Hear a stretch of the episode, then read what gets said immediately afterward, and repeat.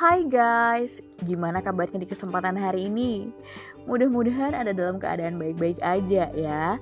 Dan buat semuanya nih sekarang lagi sakit, semoga cepat sembuh aja dari penyakitnya. Hmm, udah bulan Oktober lagi nih. Biasanya di Indonesia bulan Oktober itu selalu terbimbing hujan.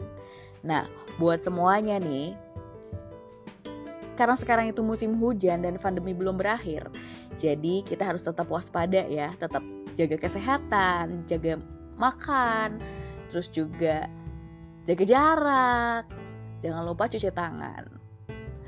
Oke, okay, hari ini aku bakal bawain satu cerita horor yang judulnya Yang Kembar, Dia Bukan Nenekku dari miliknya Mr. Simple Man. Dengerin ya.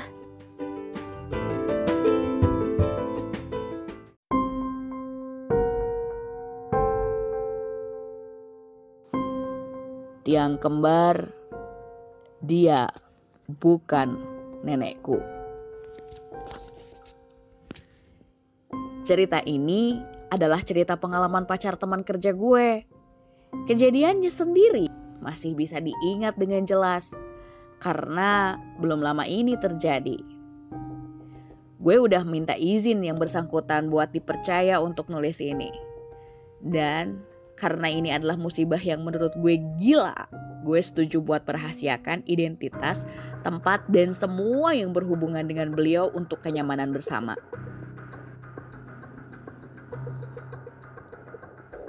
Oh ya, Konten cerita ini akan mengandung beberapa bagian yang mungkin disturbing. Jadi, dimohon kebijaksanaan masing-masing. Adelia Safitri Wijaya adalah seorang anak gadis yang lahir dan dibesarkan oleh sebuah keluarga yang menjunjung tinggi nilai Jawa atau biasa disebut kejawen. Di dalam rumahnya, kerap ditemui barang-barang berupa keris, cincin batu, dan beberapa peninggalan kuno. Meski nilai Jawa ada di dalam kehidupan mereka, keluarga ini adalah sebuah keluarga Muslim yang taat. Semua peninggalan dan barang antik di rumahnya hanyalah sebuah peninggalan dari kakek-kakek mereka yang konon dijaga untuk menjunjung hormat mereka kepada yang sudah meninggalkan dunia ini. Bertempat tinggal di salah satu kota besar di Jawa Timur, Della saat ini menempuh pendidikan sebagai mahasiswi di salah satu kampus swasta di kota ini. Sore itu, Della menatap langit, mendung. Hujan akan turun sebentar lagi, batinnya. Tak beberapa lama, ada suara motor mendekat Gak dijemput lagi, Del, kata seorang wanita yang mengendarai motor metik. Menatap Dela dengan senyum ramah. Dela teringat ayah ibunya. Ayahnya sibuk, ibunya apalagi. Sedangkan kekasihnya tidak dapat datang karena harus bekerja shift. Bareng aja yuk, kebetulan gue lewat rumah lu. Ajak si gadis. Mega adalah nama gadis itu. Sahabat sekaligus teman Adele yang paling mengerti kondisi satu sama lain. Tanpa menunggu hujan turun, Dela segera menyambar dan duduk di jok motor Mega. Mereka pun segera pergi meninggalkan kampus. Di tengah perjalanan, Dela tampak tidak fokus dengan apa yang sebenarnya sedang ia pikirkan. Ia hanya teringat satu orang yang membuatnya akhir-akhir ini merasa tidak nyaman. Mbah Wira. Begitu Dela memanggilnya. Mbah Wira adalah salah satu satunya nenek Dela yang masih hidup. Beliau adalah ibu dari pihak ayah yang saat ini tinggal satu atap bersama Dela. Namun, beberapa bulan ini Dela menemukan kejanggalan dengan neneknya yang selama ini dekat dengannya.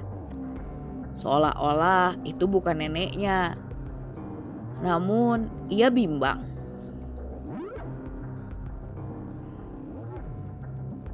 Lagi mikir apa, Del? kata Mega menyadarkan Dela dari lamunan. Gak ada. Mega tahu Dela berbohong. Namun, dirinya tidak punya hak untuk memaksanya bercerita. Kurang beberapa kilometer, hujan mulai turun disertai kilatan petir yang menyambar. Namun, Mega tetap melanjutkan perjalanan. Terobos saja ya, biar cepat sampai. Boleh, kata Dela.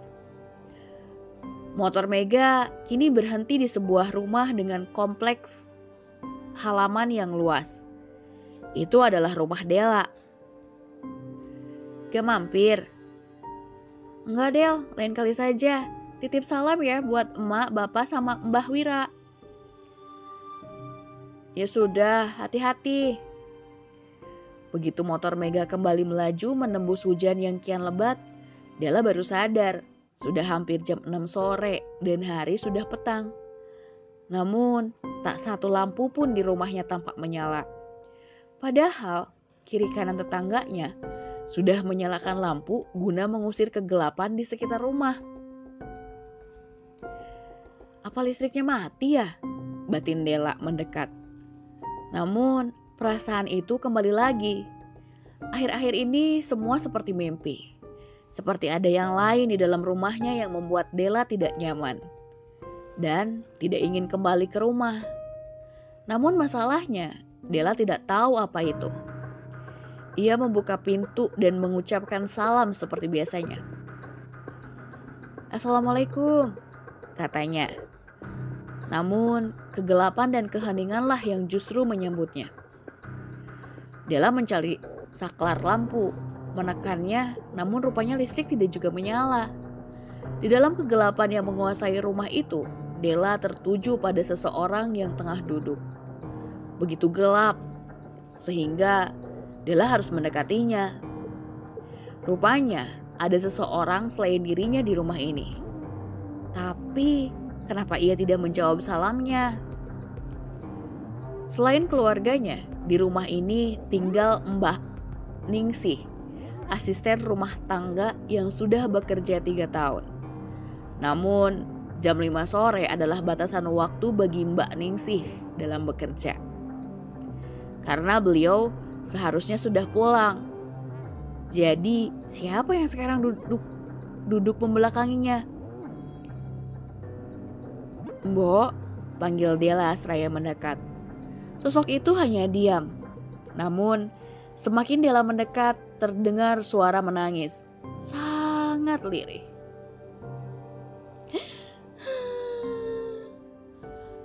Sehingga Dela tidak dapat memastikan apakah dia sedang menangis. Kini Dela sudah tepat di belakangnya. Ketika ia menyentuh bahu sosok itu, agar ia dapat melihat siapa yang ada di depannya, sosok itu berbalik menatapnya. Tolong dok, tolong kaget karena apa yang Dela lihat adalah Mbah Wira yang tengah menangis melihatnya.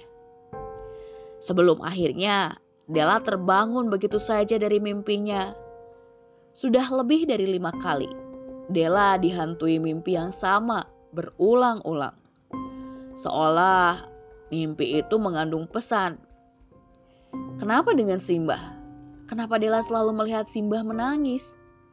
Padahal kan Mbah Wira saat ini baik-baik saja dan tinggal bersamanya. Kecuali Dela teringat ada yang janggal. Semua dimulai di hari itu. Hari di mana Mbah Wira mengatakan, Mbah bertemu perempuan cantik, Del. Sangat cantik. Yang menemani Mbah di sini. Setelah hari itu, Mbah Wira jadi berubah.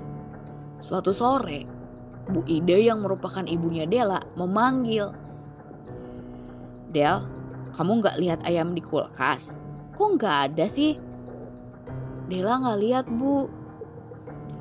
Ya sudah, mungkin ada yang ambil. Ibu belanja dulu ya. Ibu Ida pergi. Dela kemba kemudian kembali ke kamarnya. Namun ketika ia melewati kamar Mbah Wira, terdengar suara mengkecap seperti seseorang tengah mengunyah dan menimbulkan suara yang mengganggu. Tidak hanya itu, Della juga mencium bau amis. Namun, bukan amis dari ikan air tawar. Penasaran dong, Della mengintip dari celah pintu. Kaget dan campur aduk ketika Della melihat apa yang terjadi. Mbah Wira tengah mengunyah ayam utuh, namun dalam kondisi mentah saat itu juga, Della lari ke kamarnya, berharap apa yang ia lihat itu salah. Namun, pikiran ini segera menjadi rasa curiga yang besar. Mbah Wirawati yang ia kenal bukan Mbah Wira, nenek yang dulu dekat dengannya. Semakin hari Della semakin curiga. Tidak hanya tingkah laku Mbah Wira yang semakin di luar nalar. Setiap malam, bahkan ketika azan maghrib dan isya, Mbah Wira sangat suka mengeraskan suara radio yang tengah memutar tembang Jawa.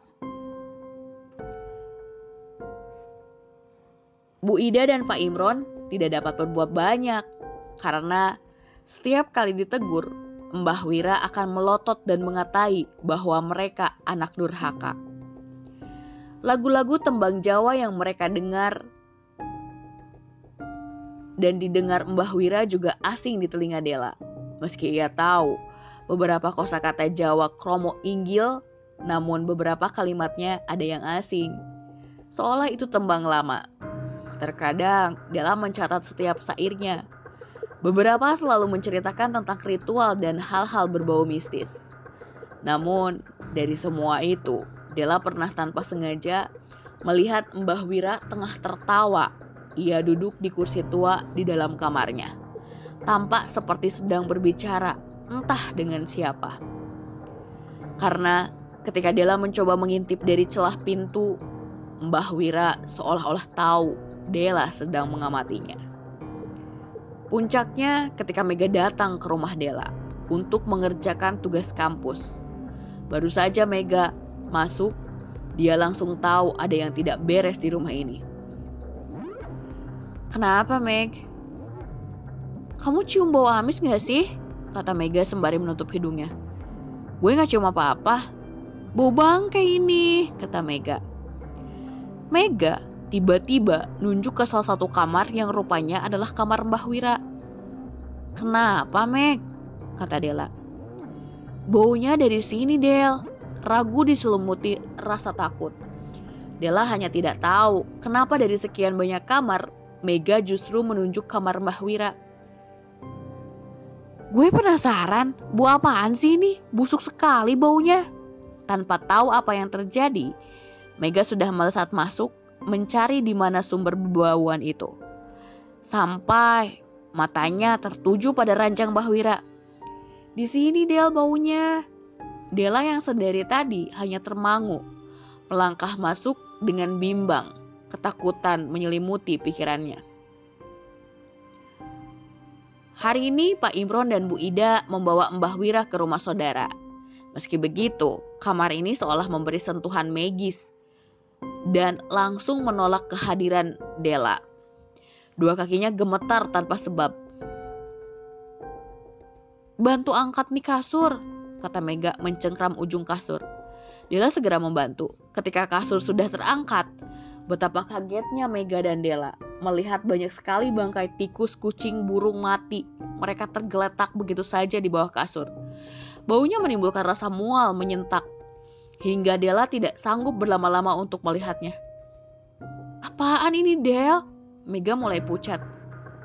Meg, pergi saja yuk dari sini. Gue takut, takut banget. Takut apa? Mega semakin penasaran. Bahwira, Meg akhir-akhir ini beliau bertingkah aneh. Gue takut. Takut aja setiap lihat dia. Ini kok bisa kayak gini? Ada ayam mentah juga. Mega menunjuk sudut bayang, tempat kasur. Della langsung tahu itu adalah ayam tempo hari. Apa yang sebenarnya terjadi?